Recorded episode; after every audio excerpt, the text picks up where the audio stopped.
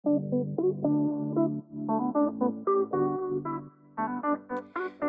welkom bij opnieuw een nieuwe Law Talk van WVO Advocaten. Vandaag zit ik hier met Pascal Willems, mijn collega. Hallo. En mijn naam is Annemarie Bussen. En ook voor vandaag hebben wij weer een uitspraak geselecteerd waarin wij jullie graag meenemen in het rijlen en zeilen van een buschauffeur die zegt een arbeidsovereenkomst voor onbepaalde tijd te hebben gekregen. Dit is een uitspraak van de rechtbank Noord-Holland van 24 november alweer. En ehm, nou, we kunnen wel zien dat het enigszins komkommertijd is, want deze is pas gepubliceerd op 1 augustus dit jaar. Oftewel, ehm, ehm, er wordt wel nog naar uitspraken gezocht, maar ook de rechters die genieten nu van een welverdiende vakantie. Ja, het ziet eruit dat de vakantiewerkers bezig zijn geweest en die dus uh, oude uitspraken aan het afstoffen zijn geweest van, oh, deze is ook nog wel, uh, wel leuk. Nou, en ik moet zeggen, ik, uh, ik vond hem ook wel aardig. Kijk, busje komt zo, is een beetje een flauw om hier, om hier te noemen. Zeker als je bussen heet. Zeker als je bussen heet, maar, maar dan mag dat ook wel weer. Um, en wat, uh, wat was hier het geval? We hebben te maken met een buschauffeur die via een uitzendbureau als, uh, nou, als buschauffeur rijdt voor Connection. Het uitzendbureau heet All. Uh, hoe heet het ook All weer? Roads. All Road, dus geen All Round, maar All Roads. Dus ook daar de woordspeling weer. En um, nou, deze buschauffeur begint dus eigenlijk als, hè, als uitzendkracht bij Connection. En um, dan vindt er volgens mij na een jaar een functioneringsgesprek ja. plaats. En daar zijn zowel de werknemer natuurlijk, um, de inlener, Connection en het uitzendbureau bij aanwezig. En daar zijn wel wat verbeterpunten uh, dan benoemd. Ja, het gaat niet vlekkeloos. Hè? Het Nee. is uh, het opvolgen van de ziekmeldingsprocedure, het op tijd beginnen van, met, van de dienst en het beter bereikbaar zijn via e-mail en telefoon. Wel een beetje de, ik noem dat altijd de gedragsdingetjes. Ja, hè, iets, iets wat, wat dus niet op de inhoud van het functioneren ziet, maar meer op hoe iemand in elkaar steekt. Precies, ja. En um, nou, kennelijk is het, wel, uh, is het wel geland, is het wel aangekomen bij deze buschauffeur. Want een half jaar later, in... Uh, september? Even kijken, ja, in september. Dan, um, dan is er weer een, uh, een, een gespreksverslag en een functioneringsgesprek waarnaar wordt verwezen. En dan blijkt dat er dus een verbetering in het functioneren te zien is. Ja. Sterker nog, er staat dat deze werknemer een contract krijgt aangeboden bij de inlener. Nou, ontzettend goed nieuws. Um, en een maand later, in december, op 17 december, feliciteert het uitzendbureau de werknemer ook echt met het verkrijgen van een vastdienstverband vanaf 5 januari 2020. En dan is het wel aardig om eventjes gewoon echt letterlijk erbij te pakken wat er uh, wordt vermeld. Dus eerst in september bij dat tweede functioneringsgesprek staat er connection is tevreden sinds vorig gesprek. Ga zo door in de toekomst, wellicht instructeur um, CXX, hè, Connection Academy. Ja, en dan zitten in november krijgen ze nog een, een, een functioneringsgesprek. Een derde, denk ik, en er staat verbeteringen functioneren laten zien. Krijgt contract aangeboden bij Connection. Gefeliciteerd. Met een uitroepteken. Juist. En dan staat er bij dat verslag ook nog een keer, hè, nogmaals gefeliciteerd met je contract bij Connection. En dan is er ook nog een keer een e-mail waarin staat: op 1 november hebben wij een gesprek gehad over mijn contract. En dat is dus de reactie van deze werknemer. Ik wil graag 32 uur per week werken, zowel vroeg, dag en gebroken. Ja. Oftewel, meneer geeft wel aan voor hoeveel uur hij dan graag zijn contract zou, hè, zou willen hebben. En vervolgens zijn er, uh, zijn er gesprekken tussen, uh, tussen Connection en, um, en deze werknemer. En dan komt er weer een e-mail van Allroad, dus de uitzendwerkgever nog steeds op dat moment. Ja, dat is wel van belang. Hè? Ja, gefeliciteerd met het krijgen van je vaste dienstverband bij Connection. We hebben doorgekregen dat je contract daarin gaat op 05-01-2020. Tot die tijd krijg je uiteraard gewoon verloond via Allroad. Nou, je eindafrekening van het vakantiegeld en het niet opgenomen vakantiedagen zal worden uitbetaald in de salarisbetaling van periode 1. Ja. Nou, dan denk je, fantastisch verhaal, hè? Zo gaat het natuurlijk vaker. Ja. Als uitzendkracht beginnen, je laat zien, eerst ging het niet zo lekker, maar dat je het toch kan. En je kunt een contract voor onbepaalde tijd krijgen. De buit is binnen en dan komt de kerstperiode. Uh, ja, en wat we dan zien is dat deze werknemer zegt in een WhatsApp-bericht: joh, kan ik vakantie opnemen van 23 tot 27 december? Oftewel, hè, precies de, uh, de week uh, waarin kerst valt. Ja. Um, alleen dat verzoek is geweigerd. Daarvan is gezegd door de leidinggevende: nee, dat kan niet. En wat gebeurt er dan, Pascal? Jij mag het invullen. Hij meldt zich ziek. Hij meldt zich ziek. Precies op 23 december, de dag dat hij eigenlijk vakantie wilde hebben. En dat roept natuurlijk wel het beeld op van, nou ja, weet je, uh, niet linksom dan maar rechtsom. Uh, misschien had hij al iets uh, gepland voor die dagen, ehm, wat dan ook. Maar nou ja, en dat valt niet zo lekker, zullen we zeggen. Nee, zowel bij uh, de uitzendwerkgever op dat moment nog, als bij, bij Connection blijkt wel. Want dan vindt er op 3 januari in het nieuwe jaar een gesprek plaats. En daar staat in, um, hè, we hebben elkaar vandaag gesproken. En daarbij was dus ook iemand vanuit Connection aanwezig. En um, deze heeft aangegeven dat er geen vertrouwen meer is in een goede samenwerking. Hierdoor stoppen je werkzaamheden bij Connection per direct. En even excuus, dat is dus de leidinggevende van de uitzendwerkgever die dat zegt. Dus die zegt eigenlijk, joh, bij de uitzendwerkgever houdt het per direct op. En de reden hiervoor is je bereikbaarheid tijdens afwezigheid. Sterker nog, hè, we hebben je daar al, al een keer eerder op aangesproken. Het onderwerp is uitgebreid met je besproken, waarbij je een laatste kans hebt, uh, hebt gekregen. Er was toen een verbetering zichtbaar, maar recent flik je het eigenlijk weer. Hè? Je vraagt vakantie aan en vervolgens uh, krijg je die niet, dan meld je je ziek en dan ben je gewoon onbereikbaar. Wat ze natuurlijk wel eh, slim doen of verstandig doen, is over de ziekmelding zelf het niet hebben, maar over die elementen die eraan vastzitten. Het bereikbaar zijn tijdens ziekte, het reageren op telefoon. En dan pakken ze terug naar waar in het begin van het jaar over is gesproken. Ze zeggen toen was het ook al een probleem. Eh, je hebt toen weliswaar verbetering laten zien, maar je valt eigenlijk weer terug in het oude gedrag. En daarom hebben wij gewoon geen vertrouwen in jou om met jou verder te gaan. Ja. En dat is dus eigenlijk wat het uitzendbureau zegt. Alleen vervolgens um, um, zegt ook Connection, um, ja, en wij hebben nog geen arbeidsovereenkomst en wij hoeven jou ook niet. Want hè, iemand die op deze manier met uh, bereikbaarheid, et cetera, omgaat, ja, daar willen wij geen, uh, geen dienstverband mee aangaan. Precies. Ja, en dan zegt deze buschauffeur, dat kan allemaal wel, maar we hebben al een arbeidsovereenkomst. Een arbeidsovereenkomst voor onbepaalde tijd vanaf 5 januari 2020. Ja. Dus um, betaal mij het loon maar. Ik ben beschikbaar voor mijn werk. Als jullie me niet oproepen, prima. Maar um, ik wil wel loon vangen. Precies. En daar gaat het dus om. En de kantonrechter moet dus eerst uh, ja, vaststellen of de onderhandelingen hebben geleid tot overeenstemming over de, de belangrijkste punten van de arbeidsovereenkomst, hè, de essentialia, zoals we dat dan noemen. Uh, dat is de eerste vraag die, uh, die beantwoord uh, moet worden. Ja, eigenlijk heel simpel. Hè? Is er een aanbod gedaan dat aanvaard is? Ja. En eigenlijk zegt Connection, wij hebben helemaal nooit een, hè, een aanbod gedaan. En de werknemer zegt, jawel hoor, dat aanbod hebben jullie wel gedaan. En dat heb ik ook aanvaard, namelijk in een gesprek 16 december. En dan zie je dat de kantonrechter dat af gaat pellen. En die zegt van, nou, het klopt, er is met jou gesproken door Connection over een arbeidsovereenkomst. Ze hadden ook wel de intentie om een arbeidsovereenkomst aan jou aan te bieden. Dus een intentie om het aan te bieden. Maar er is helemaal geen overeenstemming over de essentialia, die jij al noemde, Pascal, van de overeenkomst bereikt. Want, wordt er gezegd, datum in diensttreding, het loon en het rooster, dat was nog helemaal niet duidelijk.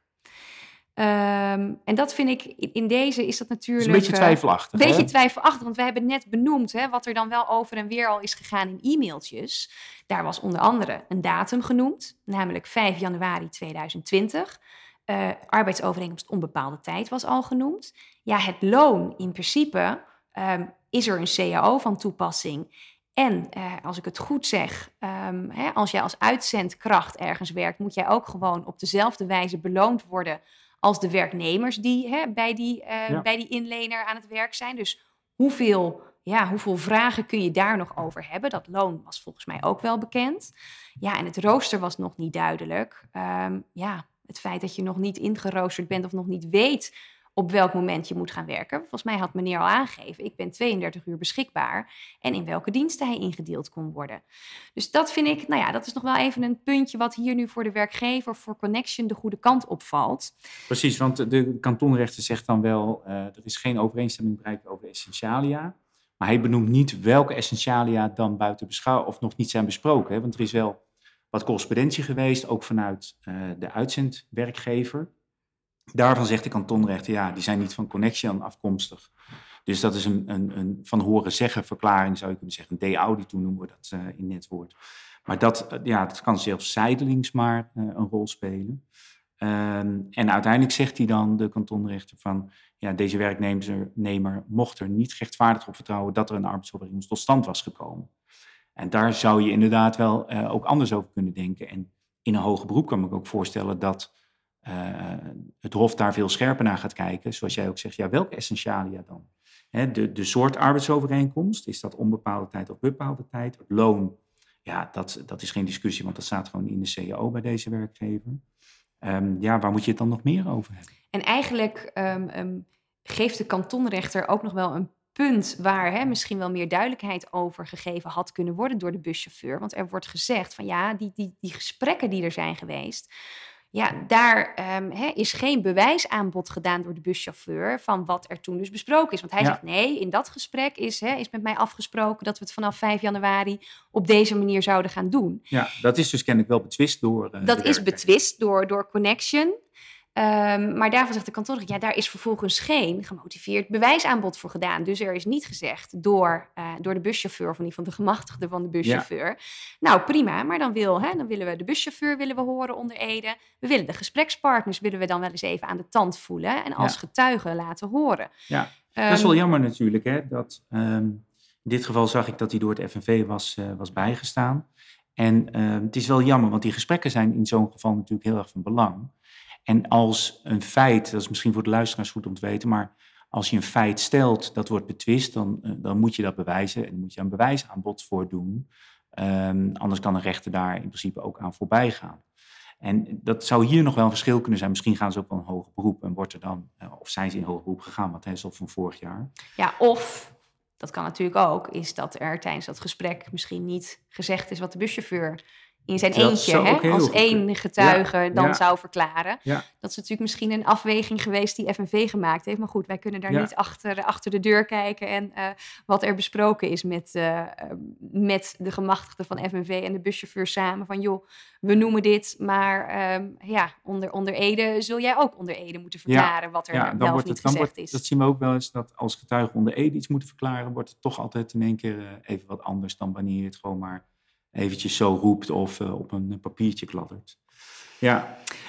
Ja, dus eigenlijk hè, zegt, zegt de kantonrechter hier van ja, um, ik vind dat er um, geen arbeidsovereenkomst tot stand is gekomen.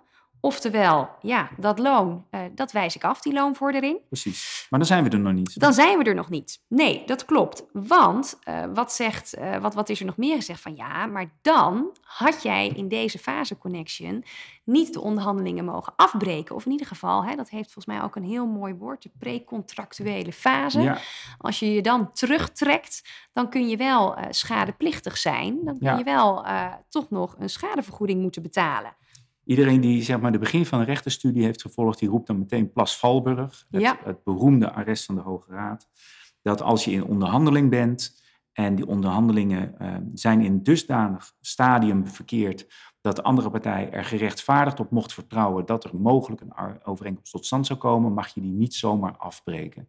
En ik heb daar uh, afgelopen jaar ook uh, een procedure over gevoerd. Dat ging niet over de arbeidsovereenkomst, maar over een overeenkomst van opdracht tussen een klant van ons en een, en een soort, ja, soort bouwbedrijf, noem ik het maar even.